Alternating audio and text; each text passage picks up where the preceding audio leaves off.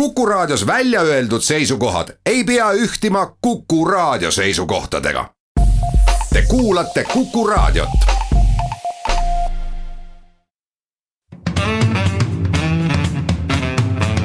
muuli ja Riikoja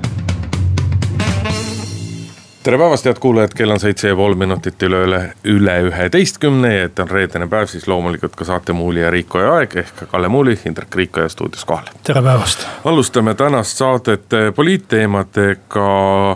välismajandus ja IT-minister, kui ma nüüd õigesti ütlesin, Gerd Kingo astus sellel nädalal valetamisele viidates ametist tagasi. teiseks räägime vanast ja uuest peaprokurörist.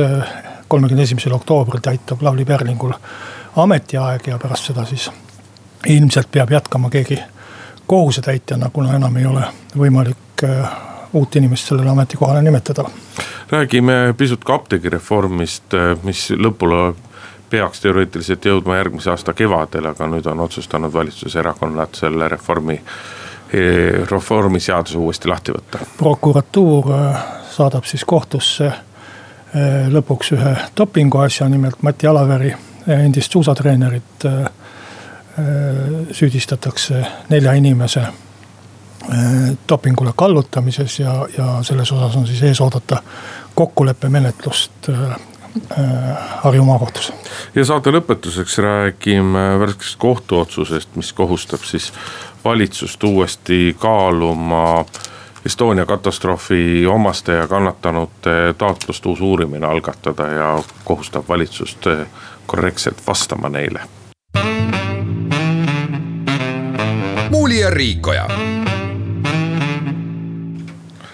ei juhtu just sagedasti, et äh, avalikkus ja opositsioon nõuab ühe, ühe ministri tagasiastumist ja selle ministri koduerakond, äh, rääkimata koalitsioonipartneritest ka kõik tõdevad, et ega siin midagi muud üle ei jää väliskaubandus- ja IT-minister Gert Kingo teatas kolmapäeva õhtul, et ta astub ametist tagasi. noh, selleks nii-öelda justkui viimaseks põhjenduseks on siis ma ei oskagi seda nüüd ausalt öelda, see oli ikkagi tegelikult nädalavahetusel suhteliselt jabur uudis. see oli selge valetamine siiski tema poolt. jah, tema poolt oli selge valetamine, Gert Kingo plaanis endale võtta äh, nõunikuks sellist inimest nagu Jako Väli, avalikkuses tuntud ütleme siis pehmelt öeldes vastuolulise isikuna, korduvalt seadusega pahuksisse läinud ja.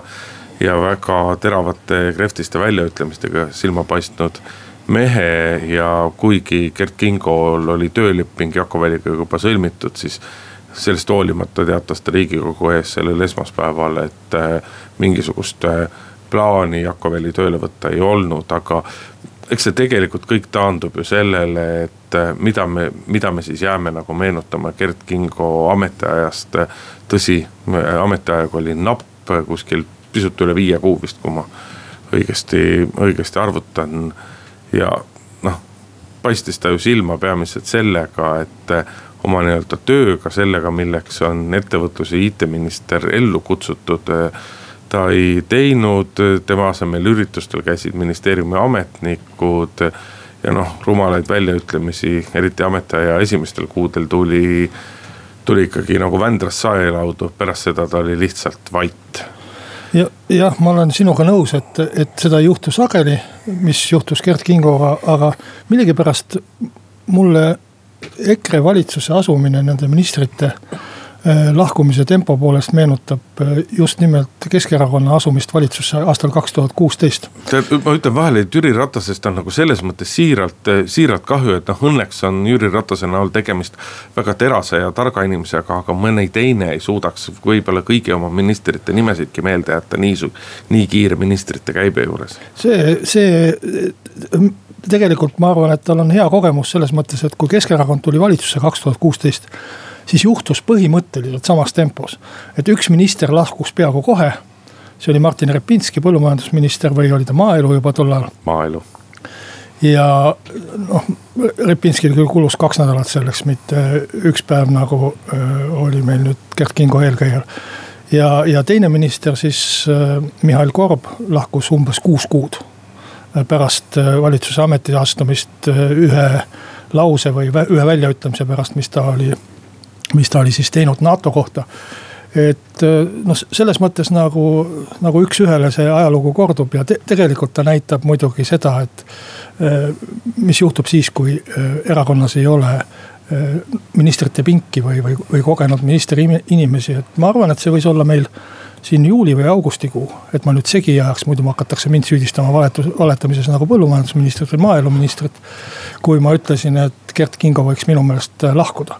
ja ma arvan just sellepärast, et ta tegelikult ei tahtnudki selles ametis olla. oli, oli näha, kui pika hambaga ta oma kohustusi võtab ja, ja kui, kui vastumeelselt ta paljusid neist äh, täidab, et mingit innukust, rääkimata siis arukusest küll selle juures ei olnud, ma arvan, selles mõttes nagu see valetamine tuli kõigile suure kergendusena. see tuli kõigile ma, suure. ma arvan, et isegi EKRE-le oli see suur kergendus. ei, see oli ka EKRE-le suur kergendus, sest et EKRE tegelikult on nii-öelda uue ministri, ministri järgi juba mõnda aega ringi vaadanud ja loomulikult nad avalikult ei tunnista, kuidas nad saavadki öelda, et nad on pannud ametisse selleks sobimatu inimese.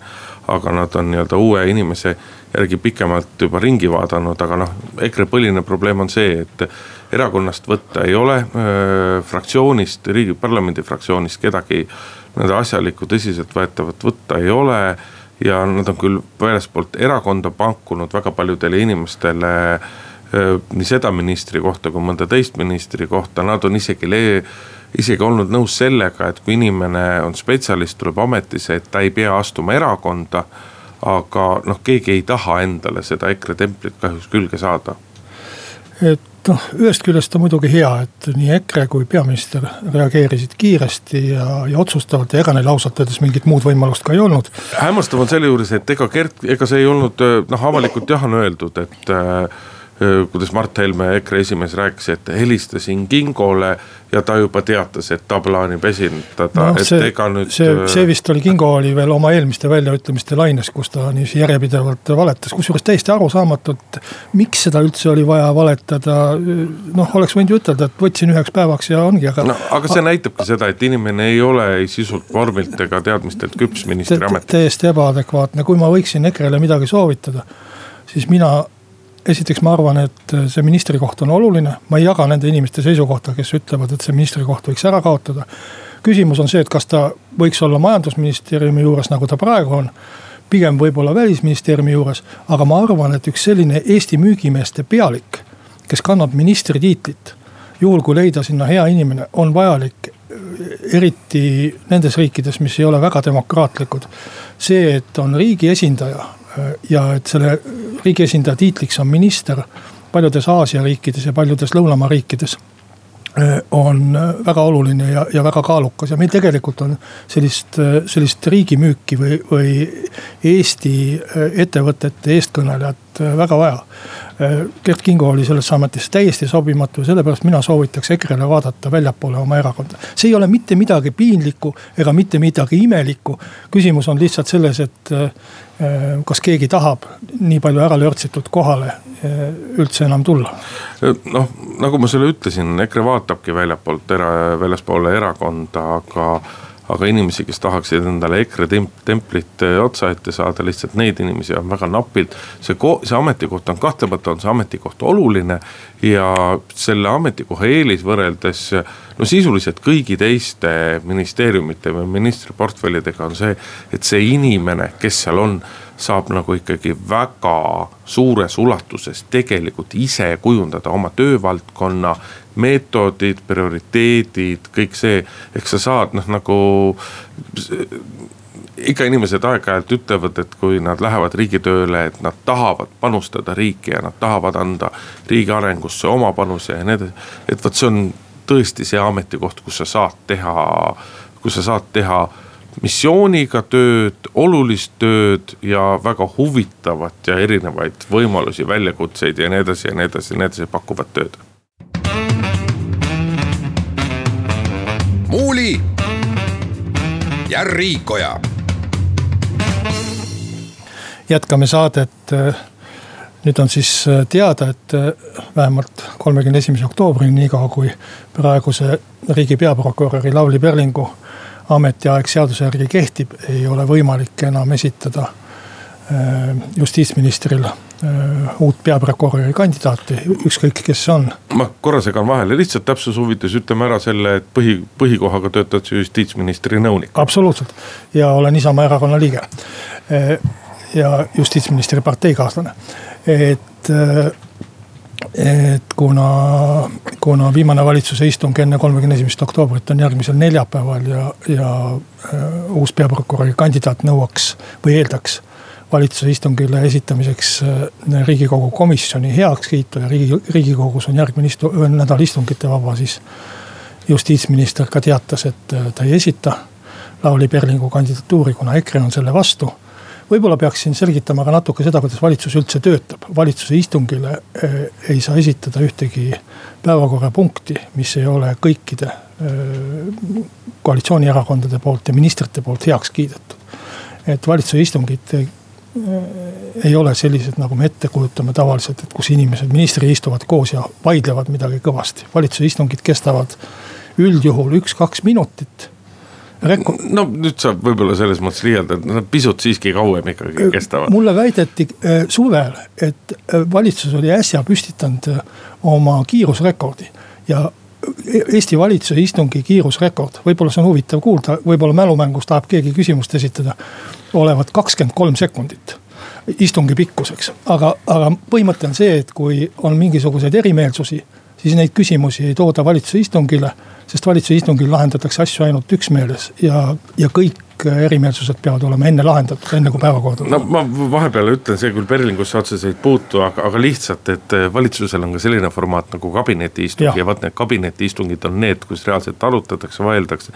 ja need on istungid, mis samamoodi toimuvad neljapäeviti reeglina ja need istungid kestavad tavaliselt tunde ja vahel ka öid. jah, et kui on küsimusi, mida kõik ministrid peaks koos vaidlema või arutama, et siis need tuuakse kabinetiistungile, aga. aga noh, peaprokuröri küsimus kindlasti ei ole selline, see ei puuduta paljusid ministreid.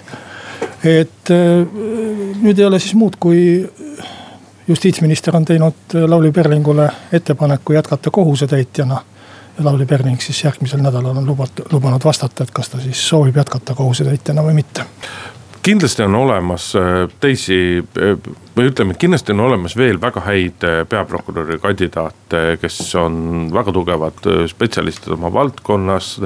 kes tuleb õigussüsteemist laiemalt, kes tuleb prokuratuuri seest. no kahju on Lavly Perlingi juures muidugi eelkõige selles, et, et, et siin me saame küll öelda, et kui väga mitmes kohas on ikkagi EKRE pidanud oma sõnu sööma selja nii-öelda selja kumeraks tõmbama teiste koalitsioonierakondade ees, siis, siis siin sai EKRE võidu ja ja, ja, ja küsimus ei ole selles, et EKRE-l oleks Lavly Perlingule mingeid sisulisi etteheit-, etteheiteid, et on räägitud nagu kahest asjast, et väidetavalt justkui prokuratuur ei pidavat töötama piisavalt efektiivselt. kuigi, kui me vaatame nii-öelda numbrilisele statistikale otsa, siis me ei leia sellele väitele väga, väga palju tõestust, loomulikult alati on asju, mis aia taha lähevad, mida saaks paremini teha. aga noh, kõik, kes midagi teevad, kõik eksivad ja teine nii-öelda Perlingule vastuseis on on siis kantud sellest, et justkui tekiks huvide konflikt kaitsepolitseiga, kus töötab Perlingu abikaasa. ka sellele väitele ei ole ühtegi nii-öelda nagu tõestust leidnud, et mina küll näen siin pigem, et seda, et kuna EKRE suured eeskujud teistest riikidest on ka niimoodi alustanud, räägivad süvariigist ja on alustanud jõuametite rappimisega siis Politsei- ja Piirivalveameti peadirektorist ei õnnestunud EKRE-l lahti saada, aga nüüd siis nii-öelda peaprokurörist õnnestub, et selles mõttes on nagu kahju, kahju, et äh, väga palju objektiivseid põhjuseid äh, Lavly Perlingule vastu seista ei ole. küsimus on nüüd pigem selles, et äh, kuidas nagu edasi minna. Iseenesest on justiitsministril võimalus ka nii-öelda Lavly Perlingult lõputult hoida, hoida peaprokuröri kohusetäitjana aga kas Perling on sellest ise huvitatud ja noh, loota, et üks hetk kas EKRE mingisugusel hetkel paindub, murdub, tekib tal mingi mõõn sisse või. või lihtsalt tuleb uus valitsus ja saab siis Lavly Perlingust, sest et ühelgi teisel erakonnal Perlinguga nagu probleeme ei ole ma arvan ka, et see EKRE vastuseis oli põhimõtteline, nad tahtsid, tahtsid oma valijaskonnale näidata, et nad tegelevad selle probleemiga, mida nad on kogu aeg nimetanud, et mingi süvariik juhib Eestit ja, ja selles mõttes, et nad ei lase põhimõtteliselt jätkata, ütleme siis nendel juhtidel, juhul kui see ametiaeg saab täis. ja Lavly Perling sattus sellisele õnnetule ajale, et tema ametiaeg sai just just nüüd täis ja seaduse kohaselt ta peab sellest ametist lahkuma. et ma arvan, et seal ei olnudki muud, kui, kui soov oma valijatele näidata, et äh, näed, me, me ei lase ametisse panna, tegelikult. ja teie kahjuks allusite sellele. Äh, meil ei ole seal midagi alluda või mitte alluda, et kui me sinuga oleme eri meelt, Indrek, siis ja jääme eri meelt äh, nii nagu on Isamaa ja, või mitte Isamaa, vaid justiitsminister ja, ja EKRE. siis siis ega kumbki ei allu kummalegi, aga me lihtsalt oleme eri meelt, aga paraku valitsuses saab otsustada ainult neid asju, milles ollakse üksmeelel. et täpselt samamoodi ei saanud eh, EKRE vahetada välja eh, politseiameti peadirektorit Elmar Vaherit, sellepärast et eh, teised koalitsioonipartnerid ei olnud nõus sellega. ehkki ta on siseministeeriumi või siseministri alluvuses. aga tõsi on ka see, et Eesti valitse-, varasemas valitsemispraktikas ei ole nii äh, käitutud, et juhul kui minister, kelle haldusalasse see töötaja kuulub, äh, soovib mingit inimest sinna ametikohale panna ja no ei ole mingit kuritegevuse asja. no ütleme nüüd päris, selles mõttes ei, päris ei, tõsi ei ole, ei ole blokeeritud, et omal ajal ma mäletan väga hästi, et Isamaa tõsiselt kaalus, et kas Elmar Vaher sobib omale kohale. tal olid seal teatud kummikud ja, või saapad ja, ja kõrvaklapid ja, ja piiriehituse kummalised kallinemised. no ja sinu koduerakonna ja. esimehe põhjendamatu ja. isiklik vaen kah sinna juurde. Äh, aga äh, Isamaa ei blokeerinud, Isamaa lihtsalt äh, soovis Elmar Vaheriga kohtuda, teda ära kuulata, informatsiooni saada, aga me ei sekkunud nagu ametisse määramisse. no ajalooliselt ütleme niimoodi faktitäpne on see, et valitsustes on juhtunud seda, et üks või teine erakond on pannud mõnele, mõnele persoonile käe ette, aga seda on tehtud alati ennem, kui minister on nii-öelda ametlikult tema nime välja hõiganud, siin on nii-öelda justiitsminister Raivo Aeg ja, ja kõrvalt ka näiteks peaminister Jüri Ratas on kogu aeg kinnitanud, et nemad ei näe mingit põhjust, miks Lavly Perling ei peaks jätkama. omaette küsimus on selles, et mis Lavly Perlingust edasi saab. tegemist on sellise ametikohaga, aga, aga aga mitte ainult ametikohaga, vaid ikkagi ka tegelikult inimesega ja tema teadmiste ja tema võimekusega. et nii-öelda riik ei saa teda lihtsalt lasta kuhugile ma ei tea, mõnda advokaadibüroosse vandeadvokaadiga, kahtlemata Lavly Perlingul tööpuudustest äh, või tööpakkumistest puudus ei oleks ja ma arvan, et palka saaks ta ka rohkem kui, kui riigisektoris, aga. aga selline inimene tuleks nii-öelda riigi ligi hoida, aga kui me nüüd mõtleme, et mida talle nagu pakkuda saab, siis talle saaks pakkuda kas mõne teise äh, jõu, soovitavat jõuametkonna juhi kohta, ühtegi vakantset kohta praegusel hetkel ei ole ja kui nii-öelda riigis vaadata, siis võib ka pakkuda mingisuguse ameti peadirektori kohta veel või siis mõnda kantsleri kohta, et, et küsimus on selles, mida mida Perlinguga ette teha ja, ja ega tegelikult me muidugi lõpuni ei tea, kas Perling on selle ajutise kohaga nõus. muuseas, ta on täna kella kolmest Timo Tarvel saates külas laiendatud Vox Populis, kuulajad saavad tema käest, enda käest muidugi küsida, et mis ta nüüd teeb. minu meelest me ei peaks selle pärast muretsema, esiteks äh, Eh, Lavly Perlingul on väga kõrge kvalifikatsioon ja hea töökogemus ja kindlasti ta töötuks ei jää. ja teiseks ma arvan, et ka tema suhe riigiga, justiitsministeeriumiga ja. kas meil ja, mõne kohtu esimehe ametikoht on praegu vakantne või? ja kõikide muude eh, struktuuridega on selline, et, et kindlasti ka riik ei käitu tema suhtes eh, kuidagi inetult ega ei, ei hakka teda kuidagi äh, tänavale viskama, et selles mõttes äh, ma arvan, et äh, leiame ikka nagu normaalsed lahendused. oota, aga kas on mõne kohtu esimehe ametikoht? ma nii peast ei tea ja ega me ei pea siin otse-eetris neid kohti ka välja mõtlema, ma arvan. noh, ma arvan, et pikalt otsida siis leiaksime, aga teeme väikese pausi ja tuleme pärast uudiseid tagasi. muuli ja Riikoja jätkame saadet stuudios Indrek Riiko ja Kalle Muuli. koalitsioon on siis otsustanud eh, avada juba viis aastat tagasi riigikogus vastu võetud eh, apteegireformi seaduse, mille sellised põhimuudatused peaksid jõustuma järgmise aasta esimesel aprillil. ehk siis eh, sellest kuupäevast tohiksid Eestis tegutseda ainult need apteegid, mis kuuluvad proviisoritele. enamusosalusega proviisoritele. enamusosalusega pro, proviisoritele.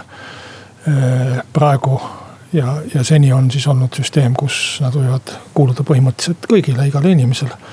sõltumata haridusest ja, ja üldjuhul nad Eestis kuuluvad siis äh, suurtele kettidele äh,. mille omanikud on ühtlasi ka äh, hulgimüüjate omanikud ja eks osade omanikud osa,, osade kettide omanikud. ja, ja, ja, ja eks selle reformi mõte ongi siis lahutada hulgimüük ja jaemüük ja anda siis jaemüük äh, ainult vastava haridusega inimeste äh, omaniku kontrolli alla. nüüd on siis selgunud, et kui see seadus esimesel aprillil niiviisi käiku läheks, siis äh, peaks Eestis sulgema vähemalt praeguse seisuga kolmsada kakskümmend üheksa apteeki viiesaja kahekümne kahest.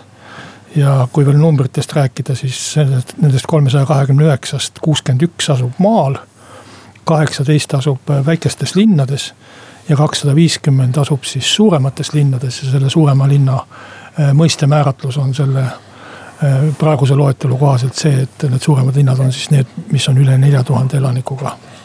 Noh, linnak, linnakesed see teema on väga keeruline ja ainsad numbrid, mida siin õigupoolest uskuda saab, on need sinu viimati loetletud numbrid selle kohta, et kus kohas Eesti apteegid asuvad, et kui palju maal, kui palju väikestes linnades, kui palju suurtes linnades. aga sealt edasi kõik numbrid, mis liikvel on, siis erinevad huvigrupid, kes on koondunud nagu väga erinevate siltide taha ja küll seal on püütud nii-öelda näidata üht, tegelikult on nii-öelda taga olnud hoopis kedagi teist, et, et kogu see temaatika on väga segane, et sellest ei saa aru valdav osa poliitikutest. valdav osa ajakirjanikest ja, ja ammugi mitte tavalised, tavalised inimesed, et ühest küljest õigus on nendel, kes ütlevad, et riik on lasknud endale suurtel apteegikettidel pähe istuda ja on allunud lõpuks nende diktaadile teisest küljest, ega õigus on ka, õigus on ka neil, et kes ütlevad, et, et reaalselt nii-öelda see proviisorite huvi ei ole, ei ole olnud nii suur, et kõik tänased apteegid leiaksid endale uued omanikud või siis valdav osa nendest apteekidest uued omanikud. isegi kui need uued omanikud leid-, nendel leitakse, siis ega nii-öelda praegused suured apteegiketid selles mõttes ei kao, et, et kõige tõenäolisem, tõenäolisem on, et. et eks seal oleks ka natukene oleks mängitud varaisikutega, aga vast kõige olulisem oleks see, et nii-öelda need suured apteekide kaubamärgid oleks jäänud samaks, lihtsalt praegused apteegiketid oleksid hakanud müüma oma frantsiise, tootepaigutust, et noh ehk sisuliselt oleks nagu kõik jätkunud, jätkunud suuresti suuresti samamoodi. apteegi osas muidugi aus on öelda, et äh, üks suuremaid osalisi sellest turul on läbi Apotheka on ja Magnumi on Margus Linnamäe, kes on ka, kes on ka meie omanik, et Kuku raadio kuulub Postimees Gruppi. ja kes on Isamaa liige. ja kes on Isamaa liige, nii et nagu ka mina. sina ei ole, ei ole süüst prii, sest et teie raha, teie jaoks ta, teile ta on ju kõvasti raha andnud, et te saaksite oma poliitikat. aga ma pean ütlema, et ta oli meie liige ka siis, kui see seadus vastu võeti. ta on olnud üheksakümne teise aastast Isamaa liige ja ta on kõikide apteegiseaduste vastuvõtmise ajal olnud Isamaa liige nii nii kaks tuhat viisteist, kui riigikogu oma eelviimasel istungil apteegireformi heaks kiitis. kas siis Isamaa oli valitsuses tollel hetkel? tollel hetkel ei olnud Isamaa valitsuses mm., aga küll oli Isamaa valitsuses tol hetkel, kui see apteegireformi seaduse eelnõu algatati et äh, valitsused on muutunud ja vahetunud ja äh, et aga, aga Margus Linnamäe kuulumine Isamaasse on püsiv. jah, aga noh, jätame selle Margus Linnamäe detaili, kuigi siin on see huvitav küsimus, et äh, paljud on toonud seda välja, seda paralleeli, et, et nii-öelda see apteegi see apteeke puudutav seadus, et see uuesti lahti võeti peamiselt Keskerakonna algatusel ja võeti nii-öelda, ma ei tea, kas see on juhuslik kokkulangemus või sihilik. et nii-öelda sellele eelnes äh, Margus Linnamäe äripartneri saja tuhande eurone annetus äh, Keskerakonnale, et. kas need on omavahel seotud või ei ole, mina ei tea, aga noh, ütleme nüüd, eks üks asi on see, kuidas asjad on ja teine asi on see, kuidas, milline mulje asjadest jääb. aga kui me nüüd selle seaduse lahtivõtmise juurde tagasi tuleme, siis selge on see, et me küll ei tea, kui palju, kas see kolmsada kopikatega apteekide, suletavate apteekide arv on nagu õige. aga üks, mis on päris selge, on see, et see seadus ei hakka tööle sellel moel, tänane seadus ei hakka tööle sellel moel, et apteekide arv oluliselt ei väheneks ja seeläbi ravimite kättesaadavus oluliselt ei väheneks. et kui kõik jääb niimoodi, nagu seadus täpselt ütleb, siis väga selgelt inimeste võimalused ravimeid kätte saada vähenevad oluliselt ja, ja, ja kui muutub hõredamaks konkurents, siis ilmselgelt see pigem hindadele mõjutub, mõjub kasvavalt apteegid on väga palju ette heitnud, et Eestis on juba täna nii-öelda võrreldes äh, teiste riikidega väga kallid ravimid. või õigupoolest mitte apteegid ei ole, vaid nii-öelda tarbijad ja nende esindajad on seda ette heitnud. aga pigem apteegide arvu vähenemine tähendaks ka ravimite hinna tõusu. see, äh, ma arvan, et poliitikuid põhimõtteliselt ikkagi juhib hirm selle ees, et mis saab pärast esimest aprilli, on nüüd see suletavate apteekide arv kolmsada kakskümmend üheksa või kakssada kakskümmend üheksa. või sada kakskümmend üheksa, palju on see igal juhul? see on palju igal juhul ja, ja osa neist kindlasti on sellistes piirkondades, kus ei ole teist apteeki. ja, ja kui me kujutame nüüd ette eh, noh, sellist eh, püsivat rohutarvitajat väga, väga kõrges eas, siis tal juba ainuüksi harjumus minna ühest apteegist teise või hakata kuskilt mujalt seda rohtu otsima. et see kindlasti põhjustab palju nurinat ja pahameelt ja nii edasi. et ükski poliitik ei taha seda enda hingele võtta ja ma arvan, et see hirm, mis saab peale esimest aprilli, see teadmatus juhib ka neid katseid seda seadust nii-öelda avada selle juures mind muide üllatab äh, sotsiaalministri äh, Tanel Kiige selline suhteliselt rahulik ja, ja stoiline hoiak, et äh, võib-olla neil on nagu täpsem ettekujutus oma ministeeriumis sellest, et midagi ei juhtu või, või juhtub vähe. aga, aga ma arvan, et hirm on põhimotivaator, teise, teisalt ega tegelikult see, et koalitsioon on otsustanud seaduse nii-öelda avada või algatada selle üle uue arutelu. ega see ei tähenda veel, et seadust muudetakse. et äh, kui ma vaatan neid jõuvahekordi riigikogus, see on üsna segane selles mõttes, et igas erakonnas on nii ühe kui teise seisukoha pooldajaid ja veel terve hulk, kes seal vahepeal on. et kuidas see lõpuks lõpeb ja kas midagi üldse muudetakse ja kui muudetakse, siis mida. näiteks võib ka ju lihtsalt tähtaega pikendada ja edasi lükata, et see hirm kaugemale läheks et see minu meelest ei ole sellega üldse otsustatud ja kindel, mis ma ise arvan. ma arvan, et tegelikult tuleks hulgimüük ja jaemüük lahutada, see peaks olema reegel. aga see, et ma ei tea, apteeki peaks tingimata omama proviisori haridusega inimene, see on küll minu meelest nagu liialdatud nõue no ma ei tea, kas kauplusi võivad omada ainult kaubandusliku kõrgharidusega inimesed. võiks ikka teistel ka lubada. et pigem ma selle jaemüügi teeks vabamaks, et äh, oleks võimalikult palju müügikohti. et, et ta põhineks ärilisel ja turumajanduslikul alusel. ja, ja see viiks kindlasti hindu alla, aga, aga hulgimüügist tuleks ära lahutada muidugi. milline see hea või õige lahendus on, mina seda, mina seda öelda ei oska, see teema ja valdkond on piisavalt palju keeruline, küll aga oleks väga selgelt nii-öelda riigil vaja tugevaid äh, spetsialiste on, et siis pika apteegis töötamise kogemusega inimesed, kes enam selles sektoris ei tööta. või keskid teised või kolmandad, aga, aga praegusel hetkel no sotsiaalministeeriumil paratamatult jääb pisuks vähe, pisut väheks seda kapatsiteeti, et. et öelda nüüd täpselt, kuidas üks või teine otsus reaalset turuolukorda nagu mõjutab ja mis tegurid seal nii-öelda määravaks saavad. et ega üks võimalus on ju ka, et, et, et okei okay,, las, las apteegide arv väheneb, aga muudame korda niimoodi, et, et retseptiravimid ainult apteekidest, aga mitte retseptiravimid, kas siis osaliselt või täismahus, võivad ka näiteks tavalisse kaubandusvõrku müüki liikuda, nii nagu see on mitmel pool Euroopas, nii nagu see on Ameerika Ühendriikides, et ka see on nagu üks võimalus, et võib-olla see aitaks, aga, aga see probleem on väga keeruline. muuli ja Riikoja sellel nädalal saabus uudis, et prokuratuur on saatnud kohtusse kokkuleppemenetluseks kuidas see, see juriidilist terminoloogiat. dopingule kallutamise eest. dopingu kallutamise eest süüdi, kokkuleppemenetluses süüdimõistva otsuse suusatreener, staažika suusatreeneri Mati Jalaveri suhtes.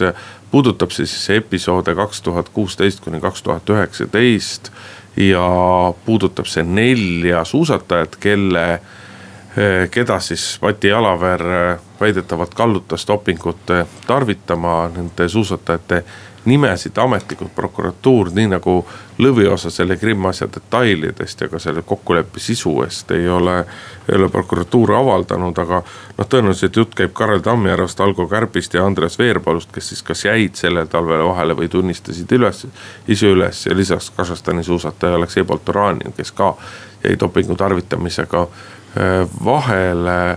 no mis me selle kohta ütleme, et igal oinal on oma Mihklipäev ja lihtsalt ka Mati Alaveri Mihklipäev saabus ja, ja see otsus, see otsus muidugi võib olla nii-öelda nagu kuidas Mart Helme armastas selle kohta öelda, Martin ja Mart Helme, et mitte lapsemäng, vaid morsipidu.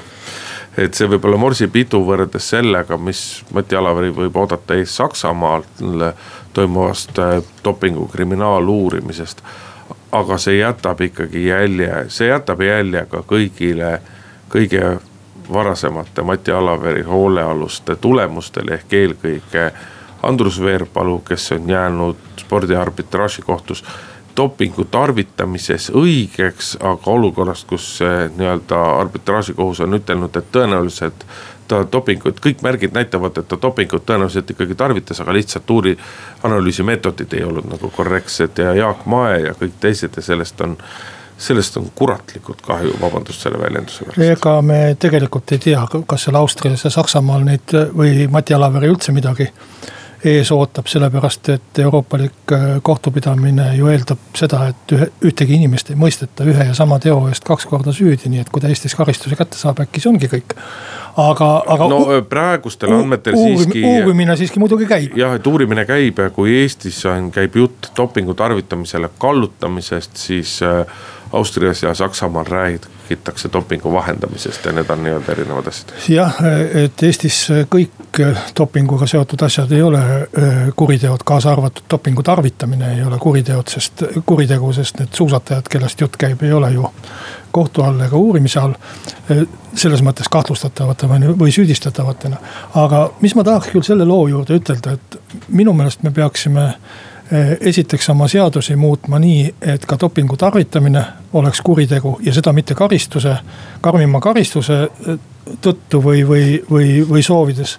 vaid eelkõige just selle tõttu, et oleks võimalik kasutada neid uurimismeetodeid ja uurimisvõtteid, mis, mis kaasnevad kuriteo uurimisega, kaasa arvatud äh, salajane jälitustegevus ja, ja, ja muud asjad, mida tegelikult, kui see tegu ei ole kuritegu, ei saa kasutada ja, ja selle tõttu ka jäävad paljud paljud asjad äh, avastamata, mis tegelikult oleks tulnud või tuleks avastada. teine asi on see, et nendele inimestele, nendele petistele võib ju ütelda on aastaid makstud maksumaksja raha, riigi raha, nad on saanud olümpiakomitee kaudu, suusaliidu kaudu. Noh, seal on olnud ka erasponsorite raha väga palju ja tegelikult äh, noh, kui me vaatame inimlikus vaates, siis seda raha on ju välja petetud. Äh, nende kohtadega, mis on saavutatud dopinguga.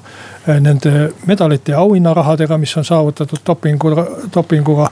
ja ka suuremate tiitlivõistluste puhul valitsuse eraldatud mingisuguste preemiatega. no et, need neli, kellest me praegu siis juhtumisi räägime. Need ei ole saavutanud midagi. põhiliselt viiekümnes, viiekümne kuues koht, kui on kõvasti süstinud. ja, ja muudel juhtudel siis kaheksakümne neljas koht. see oli nüüd kujundlik väljend. jah, kui, kui ei ole süstinud, aga aga ütleme siis nii, et, et eks nad äh, toetusi ja rahasid ikka ole saanud ja, ja, ja riigi abi. et tegelikult peaks olema minu meelest ka äh, äh, kas lepingutes, mis nendega on sõlmitud sportlaste ajal, kirjas ka see, et kui on dopingu tarvitamine, siis maksad kõik rahad tagasi, kasvõi elu lõpuni või kasvõi pankrotini välja. et see ei saa nii olla, et me peame maksumaksja raha eest petiseid üleval ja pärast nad lihtsalt poevad peitu ja ei ilmu isegi mingeid seletusi andma rahvale ja, ja avalikkusele, kes on neid tegelikult üleval pidanud. kodutöö on kahjuks kasin olnud, et vot ei oska öelda, kas riiklikus, äh, riiklikes lepingutes on need punktid sees, aga paljudes sponsorlepingutes ju näiteks on punktid sees, loomulikult seal on omad aegumistähtajad. aga need punktid on sees, et kui tulevad ebaausad võtted välja, siis tuleb oma toetusraha tagasi maksta ja, ja see on nagu normaalne. aga, aga praegu ju kohtu kaudu ei ole esitatud ühtegi nõuet Muuli ja Riikoja